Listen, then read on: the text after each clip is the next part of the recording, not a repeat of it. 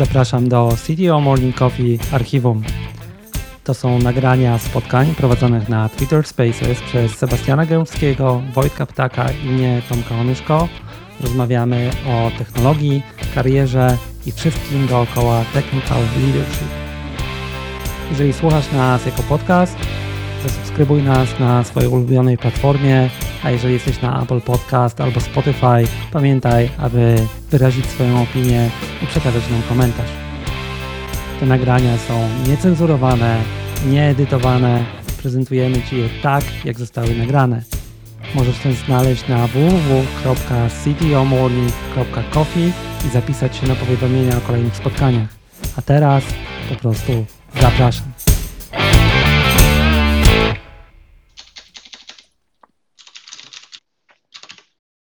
Dzień dobry, słuchać mnie? Hej, cześć. Super. Jestem w jakichś polowych warunkach, więc e, e, testuję zasięg liści na początek. No rwiecie trochę, taka prawda. E, to postaram się może dużo nie, nie odzywać, ale zobaczymy jak będzie. Dobrze, mamy Musisz Wojtka. znaleźć, gdzieś jak... Musisz znaleźć jakiś balkon z dobrym zasięgiem. Niestety nie ma. Wojtek dołącza, widzę, że więcej osób do nas dołącza. To co, może w tak zwanym międzyczasie Dzień krótkie dobry. przypomnienie naszej formuły. Witajcie w City Morning Coffee, naszych małych ponie... poniedział... nie poniedziałkowych, boże, piątkowych porannych rozmówkach na tematy inżynierskie, ale przede wszystkim dotyczące tak zwanych Senior Technical Leaders.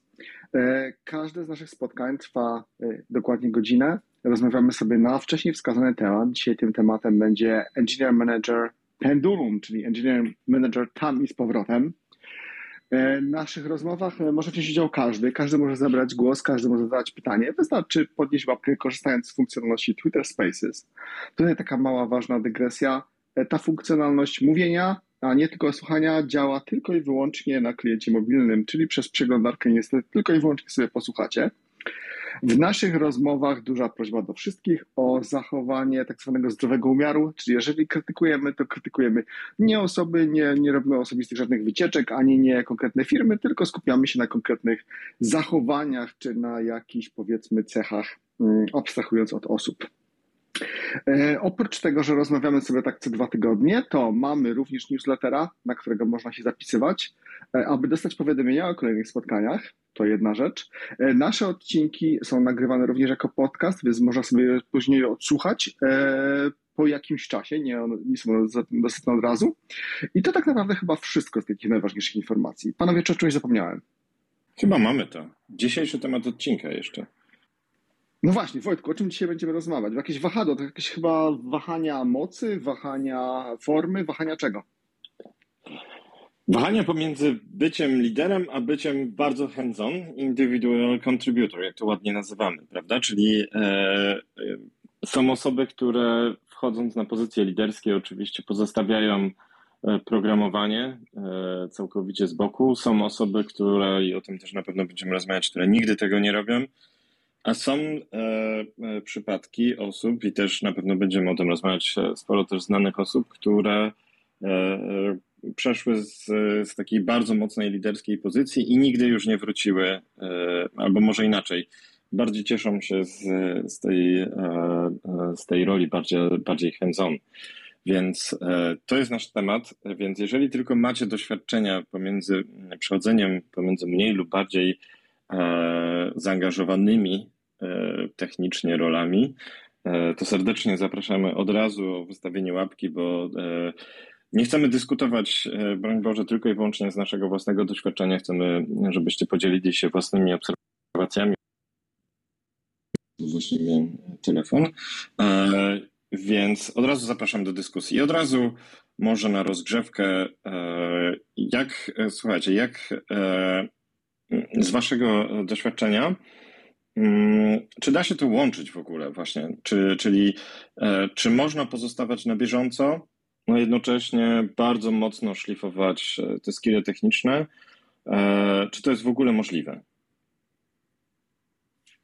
Sebastian. Uż- Użyłeś tutaj takiego sformułowania łączyć i to jest takie, takie trochę płachta na byka.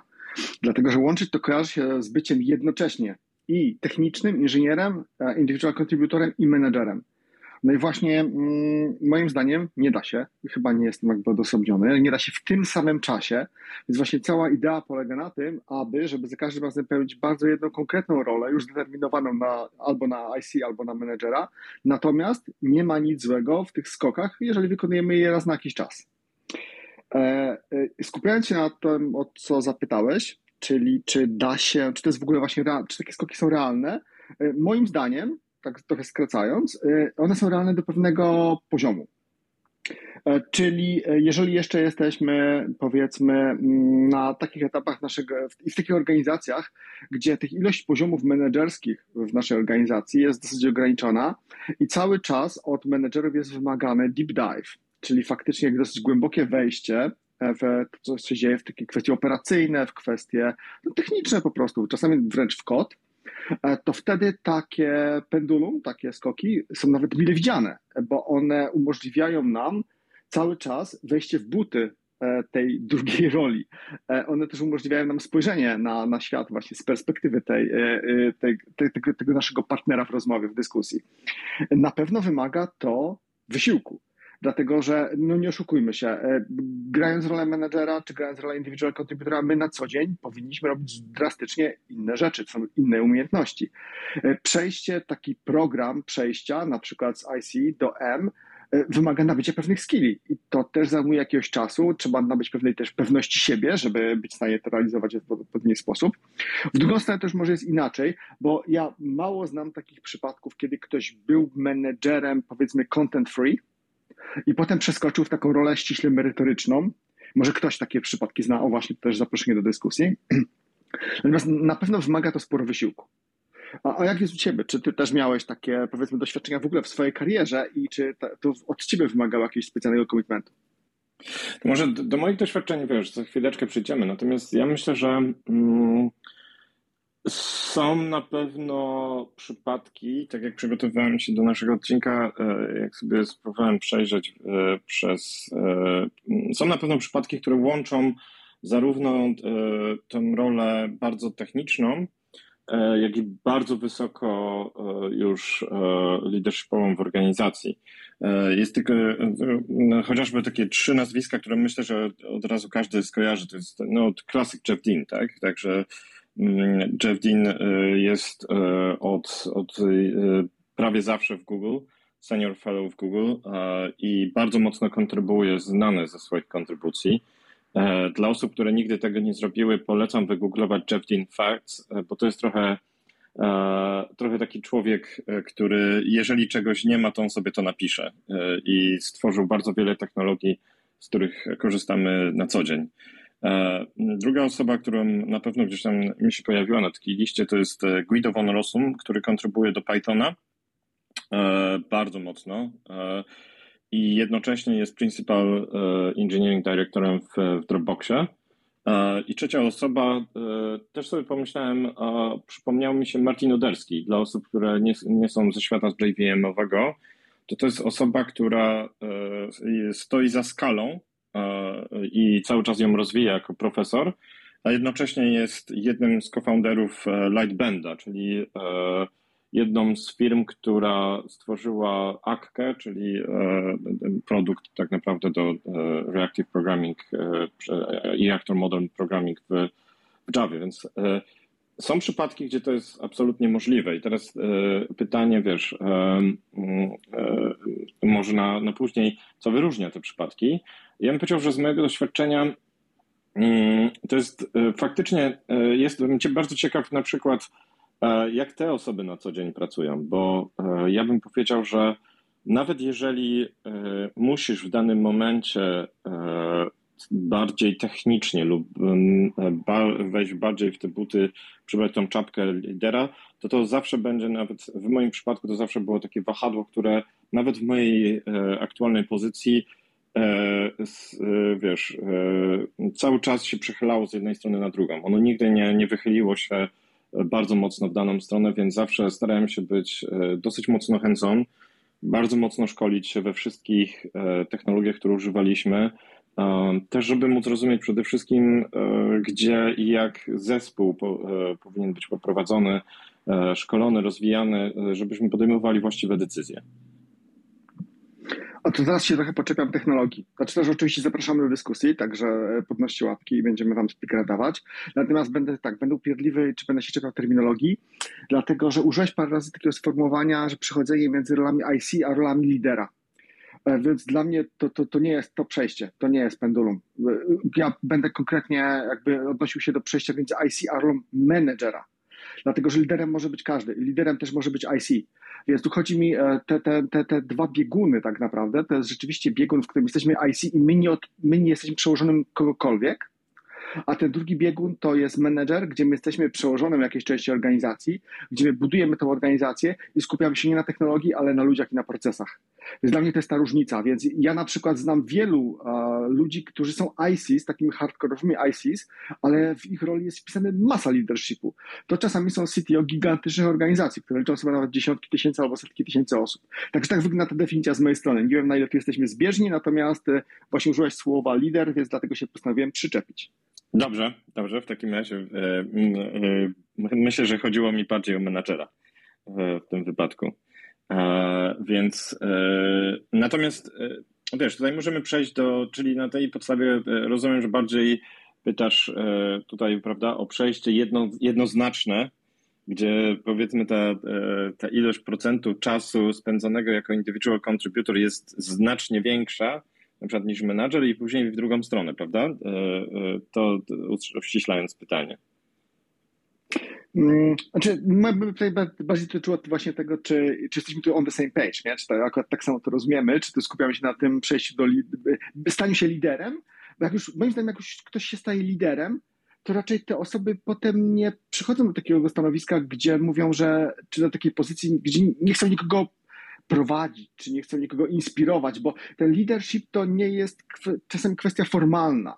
To jest impact przez charyzmę, to jest impact przez doświadczenie, to jest impact przez to, że ludzie cię podpatrują, więc to nie jest rola nadana, więc z tego się ciężko wyskakiwać, z tego ciężko jakby w ramach tego pendulu, w ramach tego wahadła przychodzić do roli, w której tego nie ma. To akurat to się rzadko zdarza, no chyba, że ktoś rzeczywiście wpada w jakiś taki tryb zupełnie introwertyczny, więc chciałem się tu upewnić, że jesteśmy on the same page. Ale właśnie wracając do tego, co powiedziałeś wcześniej, a mm, moim zdaniem, jeżeli, bo zapytałeś się, czy, czy to dotyczy każdego, czy każdy, każdy może wpaść, czy każdy ma inklinację właśnie, może w ten sposób. A mm, ja bym powiedział, że to trochę zależy od motywacji, które my mamy będąc w danej roli. Czyli na przykład, że jeżeli ktoś jest fantastycznym inżynierem, fantastycznym IC, ale w pewnym momencie brakuje mu tego skalowania samego siebie, to jest gdzieś w miarę naturalne, że będzie szukać wejścia w jakieś role menedżerskie, żeby y, nie tylko inspirować ludzi dookoła, ale też ze względu na być może jakieś swoje własne frustracje, zbudować organizację dookoła siebie.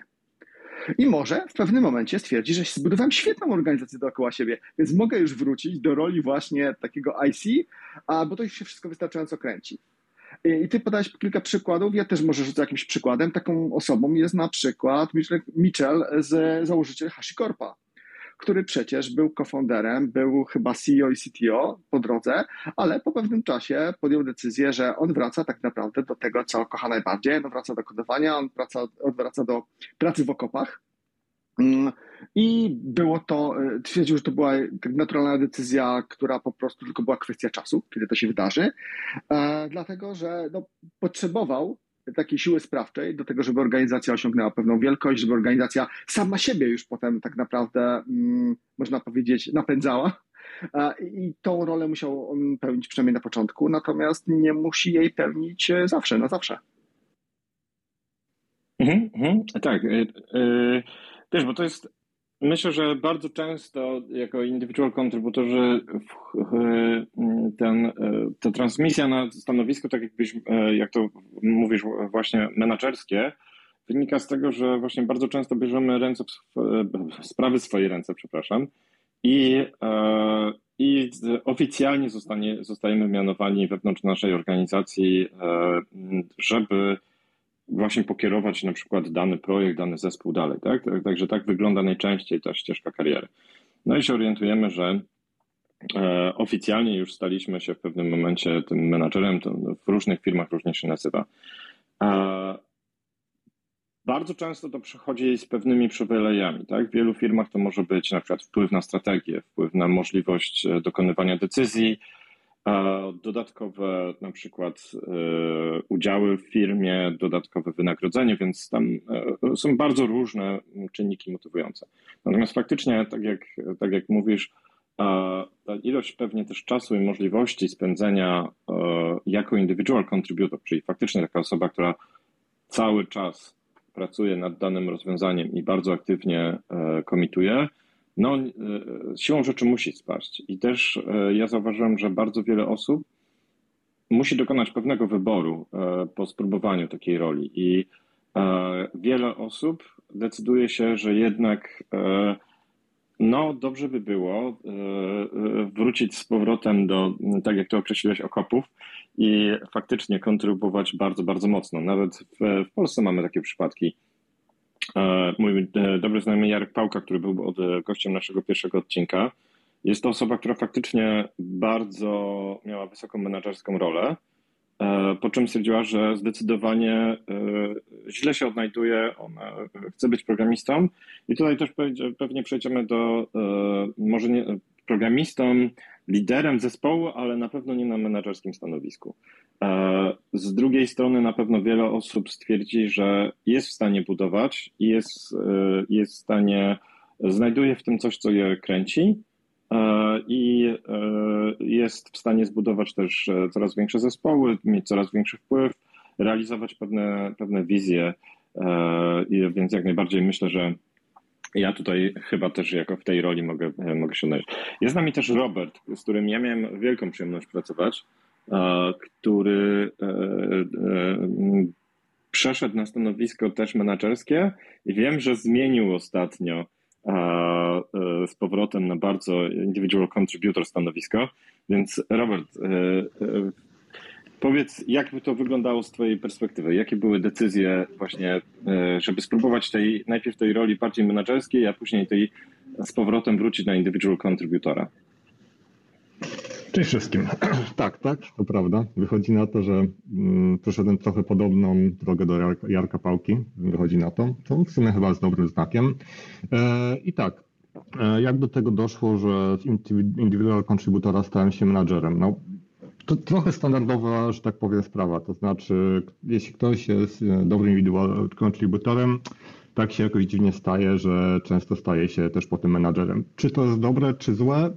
Ciężko powiedzieć. Jakby z mojej perspektywy jestem, jestem z tego zadowolony, ale jakby teraz dojdę do tego dlaczego. Ale jakby kontekst był taki, że w firmie, w której pracowałem, nasze biuro rozrastało się z czasem. E, no i wiadomo, im więcej ludzi się pojawiało, tym bardziej było widać jakieś rzeczy, które nie do końca może działały, a jako, że byłem teoretycznie menadżerem, no to zacząłem się interesować w sumie, czym to znaczy. Bo na początku, wiadomo, jak team się rozrasta i było nas, było nas pięć osób, no to nie było tego jeszcze tak czuć, ale w momencie, kiedy było nas już 15, to zacząłem się interesować tym, co to w ogóle znaczy bycie dobrym menadżerem i czy to faktycznie powinno działać tak, że ja dalej programuję, bo dla kontekstu na początku no, byłem menadżerem, że tak powiem, z tytułu, ale po prostu programowałem większość czasu i nie za bardzo się tym przejmowałem, ale im więcej zacząłem się tym interesować, tym więcej zacząłem jakby widzieć, ile rzeczy cierpi, bądź kiedy tego nie robiłem. E, bo wydaje mi się, jakby takie super źródło, jakie mogę polecić, pamiętam, że już wspominałem o tej książce raz w tym podcastie,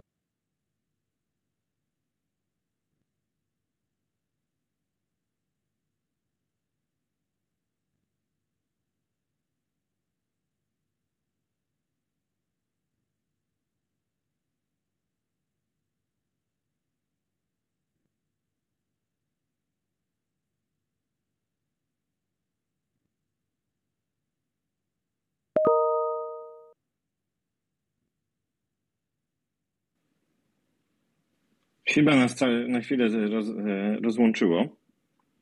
Tak, tak, ja też mam wrażenie, że przerwał Roberta.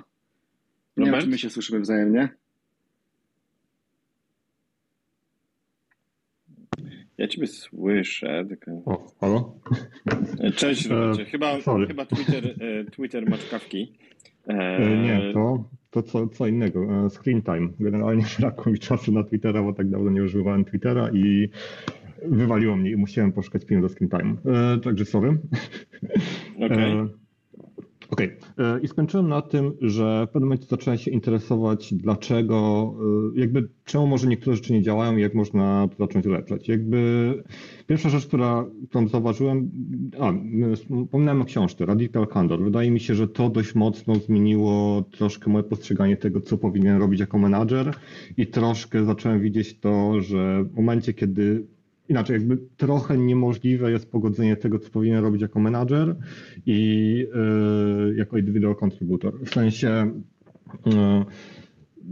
y, wydaje mi się dość w, momencie, kiedy zacząłem wprowadzać jakby y, niektóre rzeczy, które tam były wspomniane, typu faktycznie takie sensowne one-on-one, które nie są e, spowiedzią, tylko zastanawiałem się, ok, jak mogę komuś pomóc, jak mogę kogoś rozwijać, e, jak mogę kogoś odblokować, e, dawanie feedbacku, e, utrzymywanie relacji w teamie. Generalnie jakby zauważyłem, jak dużo to zaczęło dawać, kiedy zaczęliśmy to robić, ale z drugiej strony też za- zauważyłem, jak bardzo jest to absorbujące, jeśli chodzi o czas. Ale wydaje mi się, największą zmianę, jaką zauważyłem, to, to było to, że jakby to w sumie nie ja jestem teraz najważniejszy jako menadżer, tylko mój team powinien być dla mnie najważniejszy. Jakby wydaje mi się, że to był taki duży, taka duża zmiana w mindsetie, że musiałem się bardzo mocno przestawić, bo wiadomo, jako individual contributor, wiadomo, pracujemy jakoś w teamie, ale no, gdzieś to, jest to trochę inna perspektywa, a wydaje mi się, że w momencie, kiedy ktoś się staje menadżerem, to trzeba to całkiem odwrócić i jakby nie jest ważne to faktycznie, jak dobrze ty pracujesz, tylko musisz dać jakby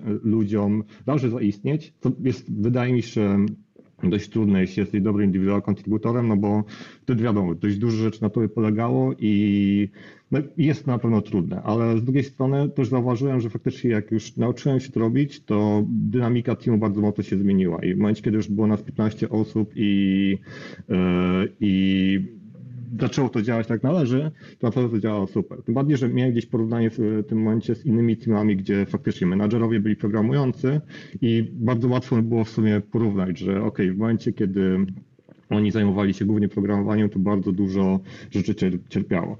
E, I też padło kilka razy, czy warto, jakby, bo to też jakby dla niektórych ludzi może to się wydawać, że ok, fajnie jest być kontrybutorem i to może nie dla mnie, a wydaje mi się też, że jest kilka rzeczy, które mogą nie do końca być oczywiste jako plusy tego. I na pewno jakby ja wierzę w to, że zawsze warto mieć szeroki kontekst e, w momencie, kiedy pracujemy nad czymś i tak samo mm, i wydaje mi się, że to jest dość przydatne, że mm, można dużo bardziej zrozumieć to, jak wszystko dookoła działa, dlaczego niektóre rzeczy działają tak, a nie inaczej. Yy, I no generalnie jakby bardzo sobie to chwalę po tym, jak wróciłem teraz jako, do pracy jako individual contributor, że tro, troszkę więcej mogę jakby, inaczej, jako, sam jako individual contributor mogę pracować trochę lepiej, bo jak mówię, mam trochę ten kontekst, a dwa, no bo to mogę też mojemu menadżerowi na przykład teraz zasugerować, jak zrobić niektóre rzeczy lepiej. No i wiadomo, też na pewno jest to jakaś fajna odmiana, w sensie też pamiętam, że już po pracowaniu jako individual contributor po- ponad 10 lat, zawsze była to jakaś taka ciekawa odmiana, spróbowanie czegoś nowego, może akurat będę lubił to robić.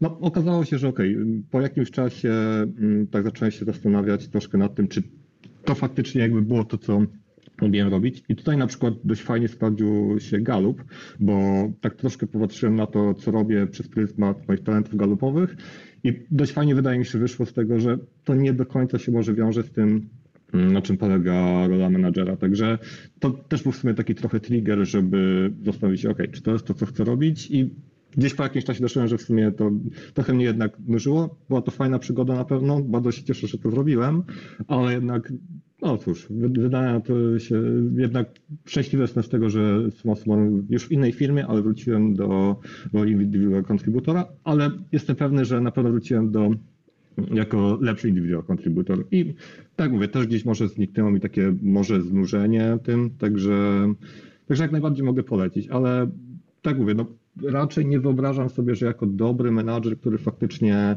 robi wszystko, co powinien robić menadżer, znajdzie wystarczająco dużo czasu, żeby poprogramować w pracy. Bo wydaje mi się, że jakby fajną odskocznią dla mnie było to, że też poza pracą prowadziłem bloga, prowadziłem kursy i byłem wtedy w stanie też programować, także było to jakiś substytut, ale samej pracy Jasne. Wydaje mi się, że wa ważne jest, żeby zostać troszkę hands-on i dalej mieć kontekst, bo bez tego no, możesz zamknąć się w złotej klatce jako menadżer i też nie będziesz miał kontekstu, ale wydaje mi się, że balans jest ważny i powinien się mocno przesunąć.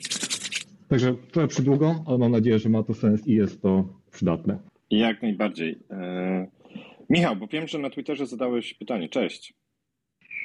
Cześć, cześć, siema. E, chciałem z Ciebie, Robercie, zapytać, jak długo pracowałeś w roli menadżera, e, zanim wróciłeś do IC? Mhm. I czy to był bardziej taki archetyp engineering managera, czy jakiegoś staff inżyniera, bo to też różne archetypy tutaj krążą. Ja też się potem mogę podzielić moim doświadczeniem akurat z dużej firmy, e, bo z Atlassiana, gdzie wróciłem z roli menedżerskiej do roli deweloperskiej, ale to może za chwilę. Mhm.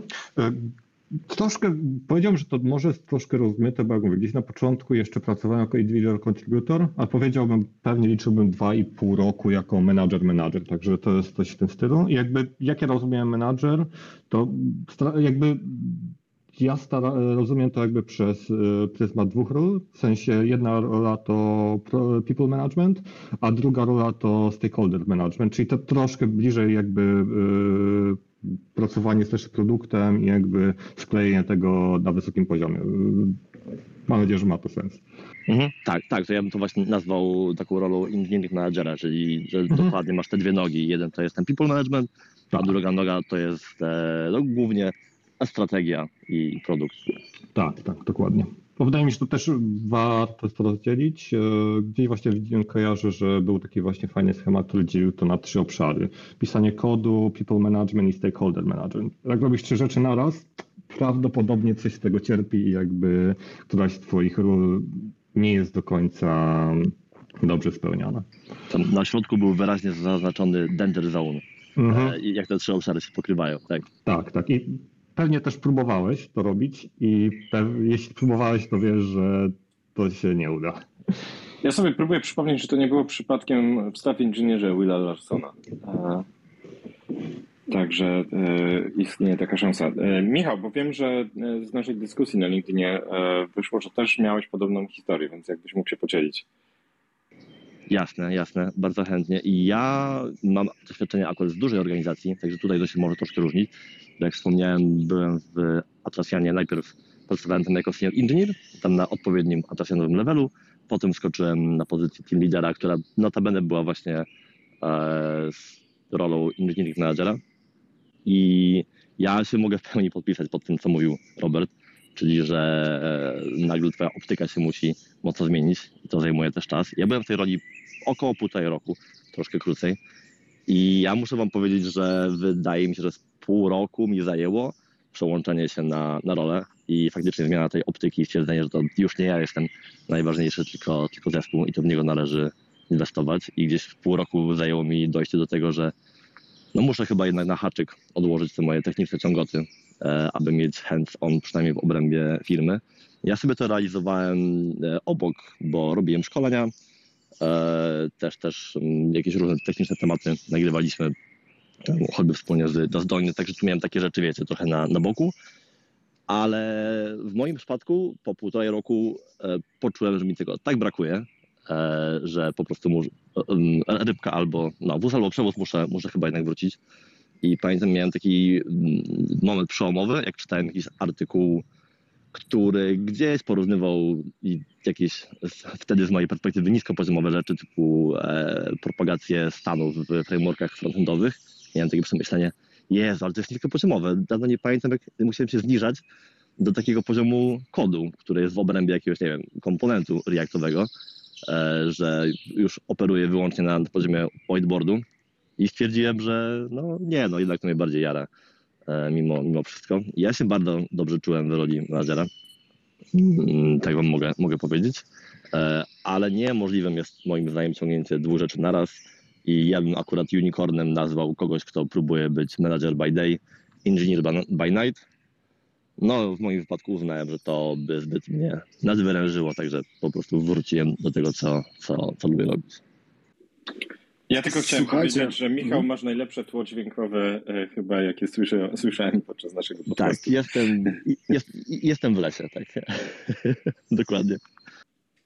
Słuchajcie, fajne war stories, ale to może tak prowokacyjnie, bo opowiedzieliście o swoich historiach, jak to wygląda z waszej percepcji, ale czy to na przykład przez wasze środowisko, albo może przez was też nie było odbierane jako jakaś degradacja albo jakaś porażka, że okej, awansował, był strasznie ważny, był szefem, wszyscy się go, że tak powiem, słuchali, raportowali do niego, a tutaj co, taki nagle nawrót, e, znowu zaczyna kodować. Nie mieliście z tym problemu jakiegoś takiego mentalnego albo organizacyjnego, albo nawet wymiernego, w sensie jakimś finansowym? Czy nagle się nie okazało, że ktoś stwierdził, że wam trzeba obciąć pensję o 25%?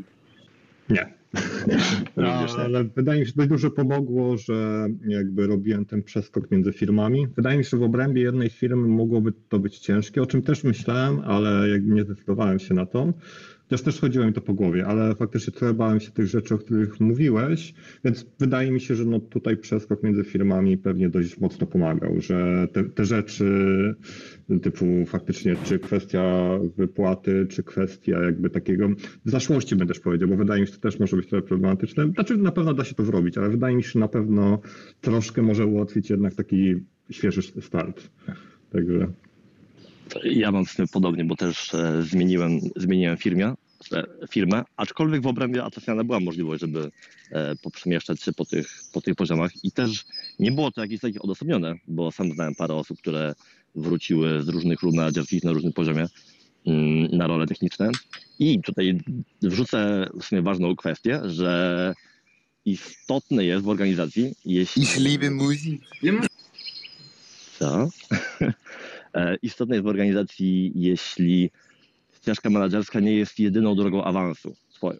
Jeśli jest tak, że jesteś inżynierem, inżynierem i nagle dobijasz do szklanego sufitu i potem możesz się wyłącznie jako menedżer rozwijać, to to może prowadzić do bardzo zgubnych skutków, bo dobrzy inżynierowie mogą zostać złymi menedżerami, jeśli jest to jedna droga rozwoju.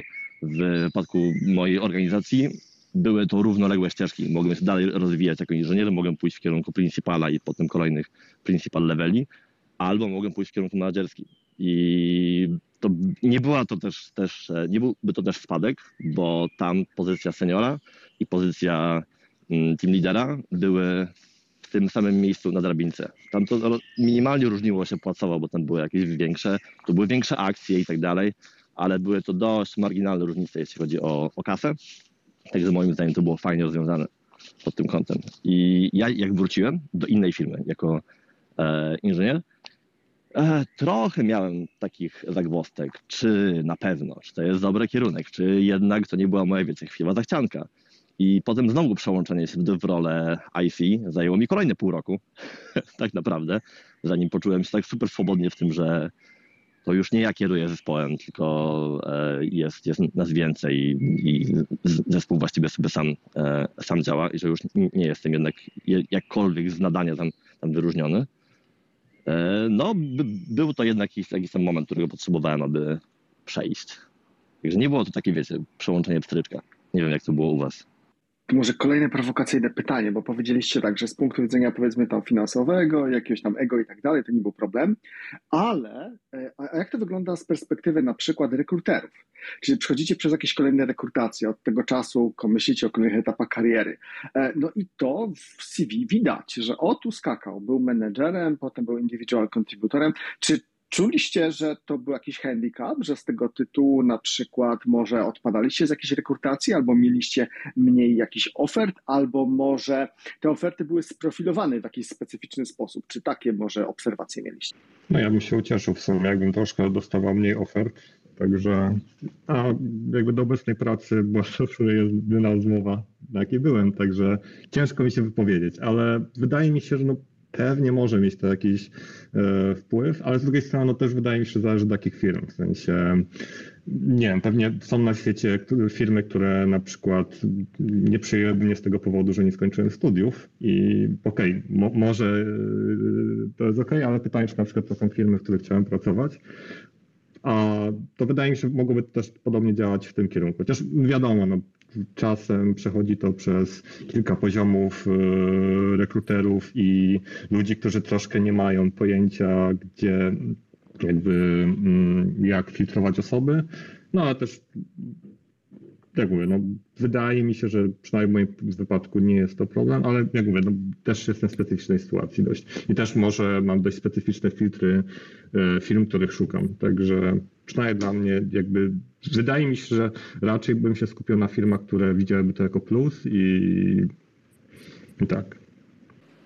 Ja tu, mogę, ja tu mogę tylko podbić. Ja też uczestniczyłem dokładnie w jednej rekrutacji E, i nie, nie było to bynajmniej widziane jako minus, tym bardziej, że to była specyficzna sytuacja, bo przeszedłem z firmy, która miała w momencie, jak odchodziłem 8 tysięcy osób, do firmy, która ma w momencie, jak przychodziłem 11 osób, teraz ma 13.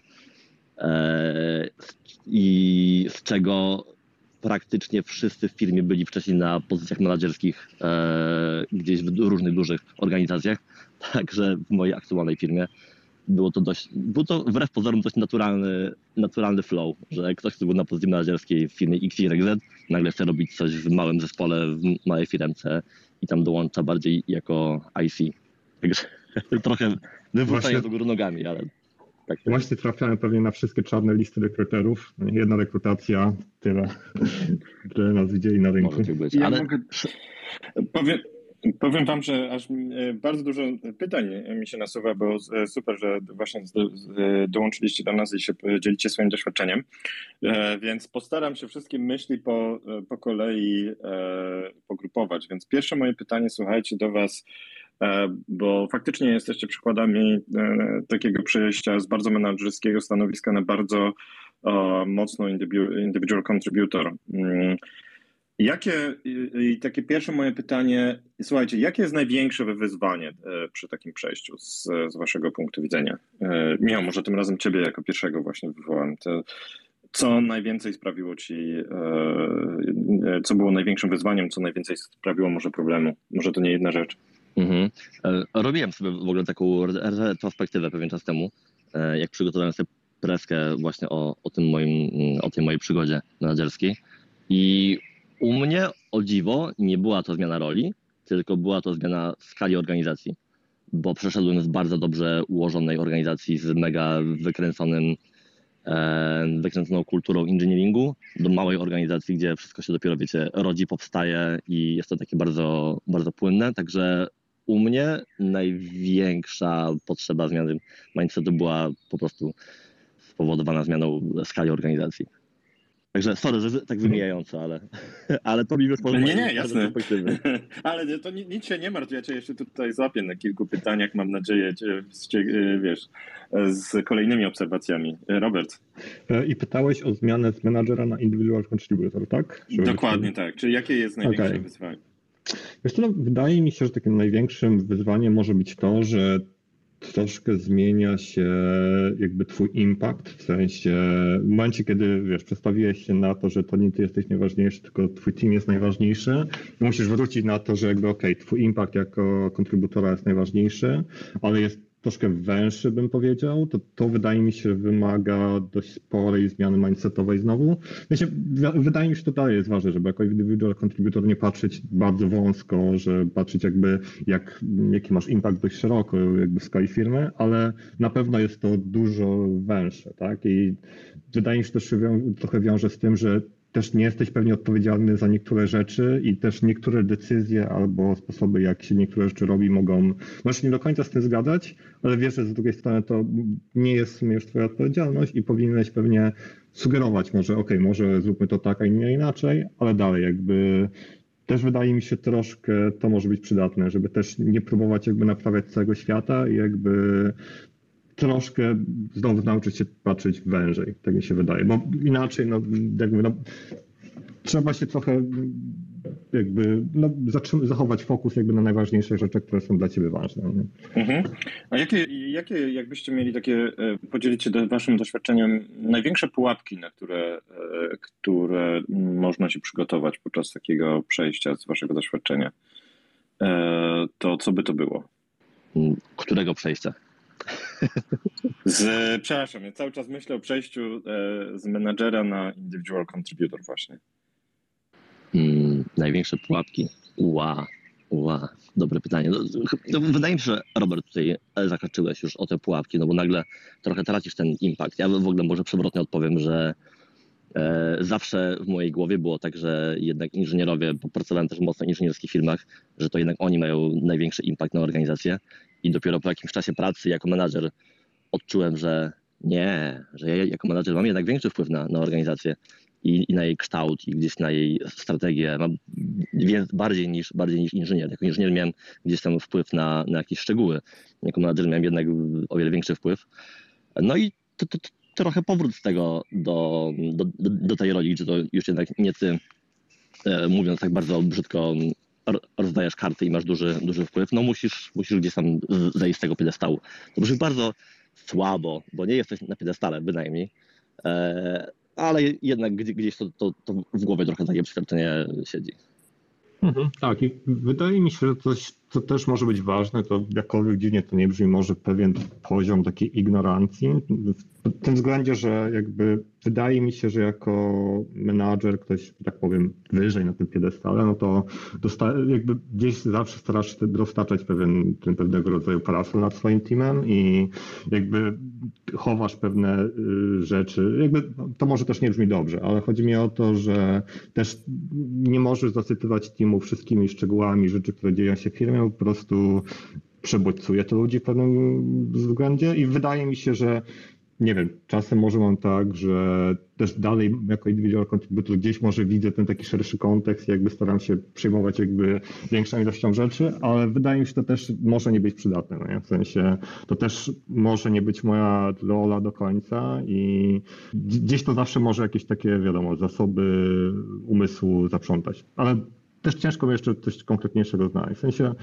te, też może po z dłuższej perspektywy będę w stanie więcej powiedzieć, no bo też jakby robiłem to przejście jakiś rok temu, także wiadomo, jest to trochę czasu, ale też pewnie takie rzeczy widać dopiero w dłuższej perspektywie czasowej. Także. To ja, ja przechodziłem w sierpniu em, i mam w sumie jedno ryzyko. Ryzyko jest takie, trochę nawiązując do tego, co powiedziałeś, że zostaniesz tak zwanym klejem.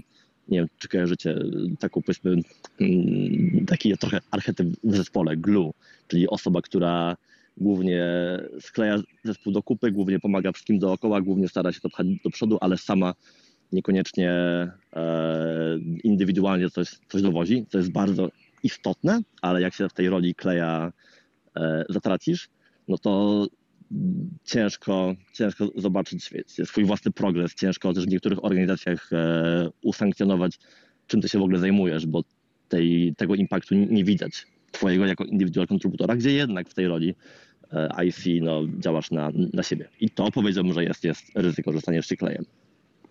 Mhm. No, zgodzę się, zgodzę się. Z drugiej strony też wydaje mi się, że to jest dość ważna rola, znaczy dość ważna, bardzo ważna rola, ale także to też wydaje mi się jest kwestia tego, że okej, jeśli chcesz być, jakby być w takiej roli, to też, żeby to było jasne, no bo wiadomo, jakby jeśli, inaczej, wydaje mi się, że dużo organizacji trochę nie jest świadome, że takie osoby istnieją i, e, i przez to jakby nie są one odpowiednio nagradzane bym powiedział. Także to też może, wtedy, jeśli faktycznie ktoś by czuł, że ok, stał się taką rolą, no to pewnie warto albo wyłożyć e, kartę na stół i jakby powiedzieć to, albo faktycznie gdzieś starać się może z tej roli troszkę wyjść. Chociaż no, jak mówię, z tego co pamiętam, ten artykuł, o którym mówiłeś, no to e, było wspomniane, że no, ta rola jest potrzebna, ale osoba, która pisała ten artykuł też wspomniała, że okej, żeby dostać awans musi spełnić to, to, to i to i to się nie łączy z tym, no i okej, czasem po prostu trzeba mm, uznać, że okej, no te rzeczy są ważne, no ale okej, no awans jest w sumie ważniejszy i sorry, jakby to troszkę też nie jest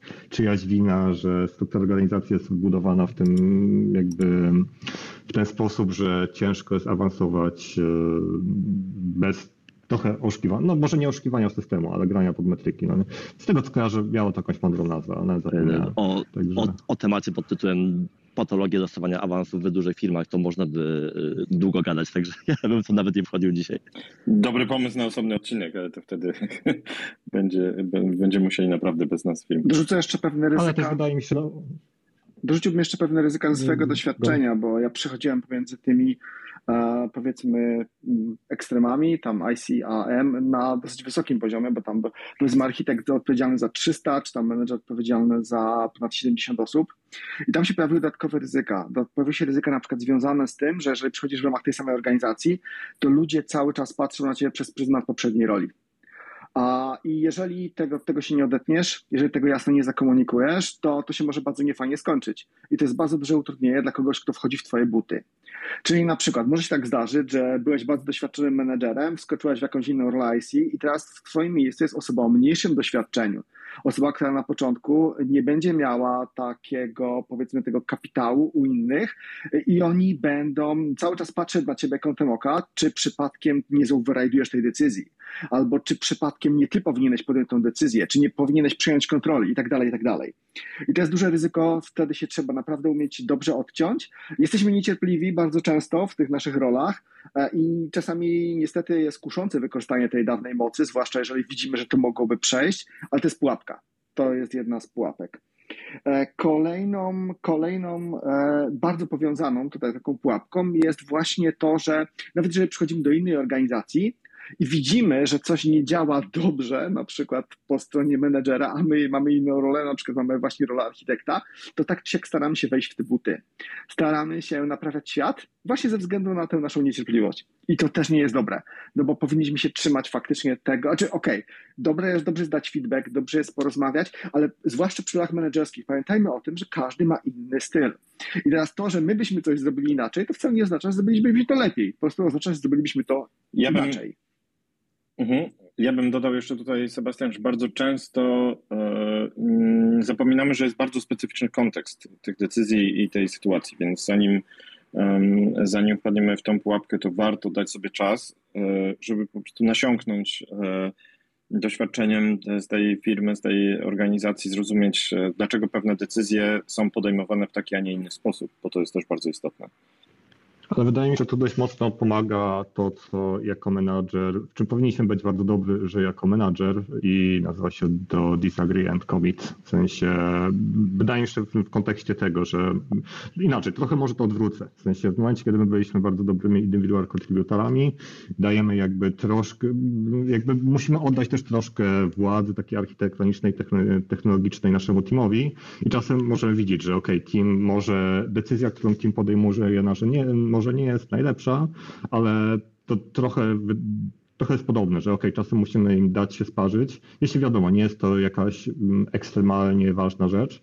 E, I wydaje mi się, że to też jest wtedy dość ważne. W sensie, że ok, my widzimy, ok, może to nie jest jakby e, najlepsze, albo my uważamy, że to nie jest najlepsze rozwiązanie, no bo wiadomo, zazwyczaj nie ma jednego dobrego rozwiązania na każdy problem, tylko jest ich dość sporo, ale też jakby trzeba się umieć odciąć od tego, że ok, teraz to jest ich odpowiedzialność i my dajemy im względnie wolną rękę i dajemy się sparzyć po prostu. Więc wydaje mi się, że to jest w sumie dokładnie ta sama sytuacja, tylko odwrócona. W sensie wróciliśmy jako individual contributor też, też musimy zaufać managementowi. Z tą różnicą, że ok, my teraz jako postmenadżerowie też troszkę widzimy to e, tak, że ok, może to nie jest najlepszy pomysł, no ale też może warto dać się wtedy sparzyć menadżerowi. Także Słuchajcie, trochę zahaczyliśmy o to, ale może powiedzmy sobie tak wprost właśnie, czy taka osoba skacząca raz na jakiś czas pomiędzy IC a AM ma jakieś przewagi nad tymi osobami, które nie skaczą? Czy w ogóle warto w świadomy sposób tak swoją karierę poprowadzić, tak, tak swoją karierę zaplanować? I jak, jeżeli tak, to czy są jakieś ograniczenia? Jak byście tutaj e, podpowiedzieli wszystkim tym, którzy rozważają taką, taką sytuację? No, ja już wspomniałem tak pokrótce wcześniej, że uważam, że dobrze mieć dość szeroki kontekst wszystkiego. W sensie, okej, jakby z jednej strony pracuję teraz jako backend engineer, ale gdzieś mniej więcej potrafię się poruszać w innych obszarach, na przykład data science, na przykład e, frontend, na przykład e, cloud ops i, i tak dalej, i tak dalej. I wydaje mi się, że to bardzo mocno pozwala podejmować lepsze decyzje jako typowo backend engineer. I tak samo wydaje mi się, odnosi się to do managementu, bo okej, może nie jest to typowo techniczna rzecz, ale jest to rzecz, która ma bardzo duży wpływ na to, jak pracujemy i wydaje mi się, że czasem po prostu ciężko nam może być zrozumieć coś, jeśli nie mamy tego kontekstu i też byliśmy tam, robiliśmy to i jakby wiemy, że to też nie jest takie proste. Także wydaje mi się, to jest taka najważniejsza rzecz z mojej perspektywy. No, tu, tu, tutaj mogę się w pełni podpisać, że no, nagle jako menadżer nabywasz dużo tego kontekstu, nagle wiesz, co się dzieje w całej organizacji bądź jakimś tam o wiele większym wycinku. I potem, jak wracasz z powrotem do roli IC, to możesz sobie niemo założyć, że ten cały kontekst również tutaj istnieje ee, i, i też masz większe zrozumienie i wyrozumienie dla tego, co się dzieje w organizacji, dla jakichś różnych, nie wiecie, przewrotów, shiftów e, i tak dalej, reorganizacji, no bo byłeś w tych butach, wiesz, że jest to jednak potrzebne i miałeś wtedy to zrozumienie. Też to, co ci rośnie i to, dlaczego moim zdaniem warto, to skille komunikacyjne. E, ja dużo się nauczyłem, będąc w tej, w tej roli, mm, głównie jeśli chodzi o, o, o, o i to komunikację z zespołem i komunikację też wyżej do różnych stakeholderów i też jeśli chodzi o tę komunikację bardzo bezpośrednią na one-on-one'ach, na jakieś budowanie poczucia bezpieczeństwa i tak dalej, to jest coś, co mi nie, nie zginie, nie zaginie e, i zdecydowanie mi, mi pomoże. I to, co mi pomogło też, to, co mi się usprawniło, to zarządzanie moim czasem, zarządzanie zadaniami, no bo będąc w roli menadżera masz jednak ten czas często poszatkowany, masz dużo mniejszych, większych zadań, musisz się nauczyć e, delegacji, musisz nauczyć się dobrego priorytetyzowania i to ze mną zostanie już teraz. jak, do, dopiero jak wychodziłem z tej roli, to kapnąłem się, jak ja byłem chaotyczny kiedyś, że niby, niby miałem wszystko, wiecie, ogarnięte, trzymałem sobie w jakimś trelu moje zadania, ale to było okan dupy, potłód. Dopiero potem, potem się nauczyłem, jak robić to naprawdę sprawnie e, i co jest ważne. Dobre punkty. Ja bym parę jeszcze dopisał do tej listy, jeżeli mogę. Tak, ja bym powiedział przede wszystkim, że e, to przejście, takie przejścia, to jest niezły sposób na schakowanie tego problemu, że ludzie, którzy wpadają w role menedżerskie, właśnie brakuje im na przykład tego kodowania. No bo łączyć to jednocześnie w tym samym czasie jest mega trudno, a takie skoki to w pewnym sensie mogą tutaj pozwolić się troszeczkę zrealizować również tej, po tej stronie technicznej raz na jakiś czas. E, kolejna zaleta moim zdaniem jest taka, że mm, to jest trochę inny zakres odpowiedzialności bardzo często. E, co oznacza, że e, w rolach menedżerskich bardzo często no jest po prostu większy stres. Więc raz na jakiś czas taki recharge w postaci powrotu do roli IC, a wydaje się być całkiem niezłym pomysłem a, i pozwala troszeczkę naładować baterię przed powiedzmy jakimś takim kolejnym etapem menedżerskim. A fajne jest to, co wspomniałeś na temat tego ogólnie komunikacji i też tego spojrzenia z perspektywy drugiej strony, bo to, e, już tak konkludując, pozwala walczyć z tym problemem my versus oni. Czyli niestety w wielu firmach to cały czas jest my, w sensie właśnie ICs kontra oni, menedżerowie, czemu oni są tacy źli, czemu oni są tacy głupi, czemu oni są tacy e, e, e. Natomiast e, właśnie troszeczkę liźnięcie świata po jednej i po drugiej stronie pozwala ten, ten, ten, tą dziurę, ten, ten mołd zasypywać i to uważam, że jest mega wartościowe. Ja tylko rzucę mały komentarz odnośnie tego faktora stresu. To jest akurat coś, czego ja nie, nie odczułem, e, ale spotkałem dwa dni temu znajomego, który dosłownie świeżo przechodzi z roli menedżerskiej do roli IC. Akurat u, niego było to bardzo niespodziewane, bo były layoffy w jego firmie.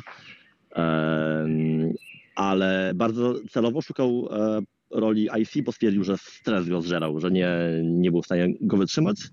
I jak się go zapytałem, jaki ma, czy chciałby wrócić, powiedział, że tak, że jak najbardziej tak. Jeśli teraz uda mu się troszkę odsapnąć, rozwinąć, ułożyć sobie w głowie więcej rzeczy, to z wielką chęcią wróci ponownie do roli menadżerskiej, ale nie w tym momencie, bo stres go dogniótł wcześniej. To, to wydaje mi się, że jest dość ciekawe, bo wspominałem jakiś czas temu o tym parasolu, w sensie, że też jako menadżer w pewnym sensie trochę rozpościeramy taki parasol nad teamem i wydaje mi się, że to jest w sumie też dość ciekawe, żeby zobaczyć, że co jest poza tym parasolem, bo wydaje mi się, że jakby zazwyczaj wygląda tak, że ja, może z perspektywy indywidual kontrybutora to może nie jest zawsze widoczne, ale jak im wyżej się idzie, tym bardziej widać, jak wszystko płonie. W sensie wydaje mi się, że łatwo faktycznie jest inaczej, ciężko tej złotej klatki individual contributora jakby zgubić ten kontekst, że no, po prostu wszystko płonie, ale jest okej. Okay. W sensie wydaje mi się, trzeba jakby może mniej się tym przejmować troszkę, a z drugiej strony wydaje mi się, że to też jest dość wartościowe, żeby wiedzieć, że okej, okay, wszystko płonie, wszystko jest okej, okay, ale jakby przez to, że wszystko płonie, to trzeba się skupić na tych najważniejszych rzeczach. Także, także tak. No, częścią Twojej roli jako menadżer, e, częścią komunikacji jest też translacja, w sensie tłumaczenia tego, co się dzieje w organizacji e, dla Twojego teamu i roztaczanie jednak tego parasola ochronnego nad nimi. Ale żeby być jakby, żeby być jakby mm, super e, inaczej, jakby też wiadomo, że nie chodzi o e, ten parasol nie znaczy tego, że odcinamy jakby ludzi od stakeholderów. Tu bardziej chodzi może, o, żeby być bardziej tak jak chodzi o to, żeby odciąć ludzi od polityki, bo wydaje mi się, że to chodzi o to, bo jakby jeśli chodzi o komunikację z stakeholderami, to wydaje mi się wręcz, wręcz przeciwnie. Powin, przynajmniej ja miałem takie podejście, że wypychałem ludzi, żeby uniknąć głuchego telefonu i żeby oni wiedzieli, gdzie pójść, albo ewentualnie mógłbym wskazać osoby, gdzie mogą pójść, ale ważne, żeby, wydaje się to podkreślić, przynajmniej ja to tak widziałem, żeby unikać głuchego telefonu i parasol bardziej jest od polityki niż od e, komunikacji bezpośredniej. Dołączył do nas jeszcze Damian. Dołączył do nas jeszcze Damian. Jaka jest twoja historia? Cześć. E, moja historia jest, hmm, można powiedzieć, bardzo pokręcona poprzez długie lata w jednej organizacji, na jednym projekcie, gdzie przechodziłem od, od e, roli programisty poprzez rolę team lidera. Skończyłem tak naprawdę na roli, e, jak tutaj ładnie to nazwaliście, unicorna, e, który miał zarówno łączyć rolę menedżerską, jak i rolę tego individual contributora. No i co mogę powiedzieć? Podpisuję się pod wszystkim rękami i nogami, co, co powiedzieliście, bo jest to no, w 100% prawda. E, powiedziałbym, ciągnąłbym tą rolę jeszcze dalej. E, natomiast sama organizacja jakby zjadła mnie, tak, i zjadła pod względem stresowym, pod względem takim, e, no nie chcę powiedzieć, że wypalenia, tak, no bo wypalenia nie ma. I w tej chwili jestem w trakcie, powiedzmy, przechodzenia pomiędzy rolą tego menadżera z tym bardzo dużym, mm, z bardzo dużym wątkiem takiego kontrybutora, do roli individual contributora.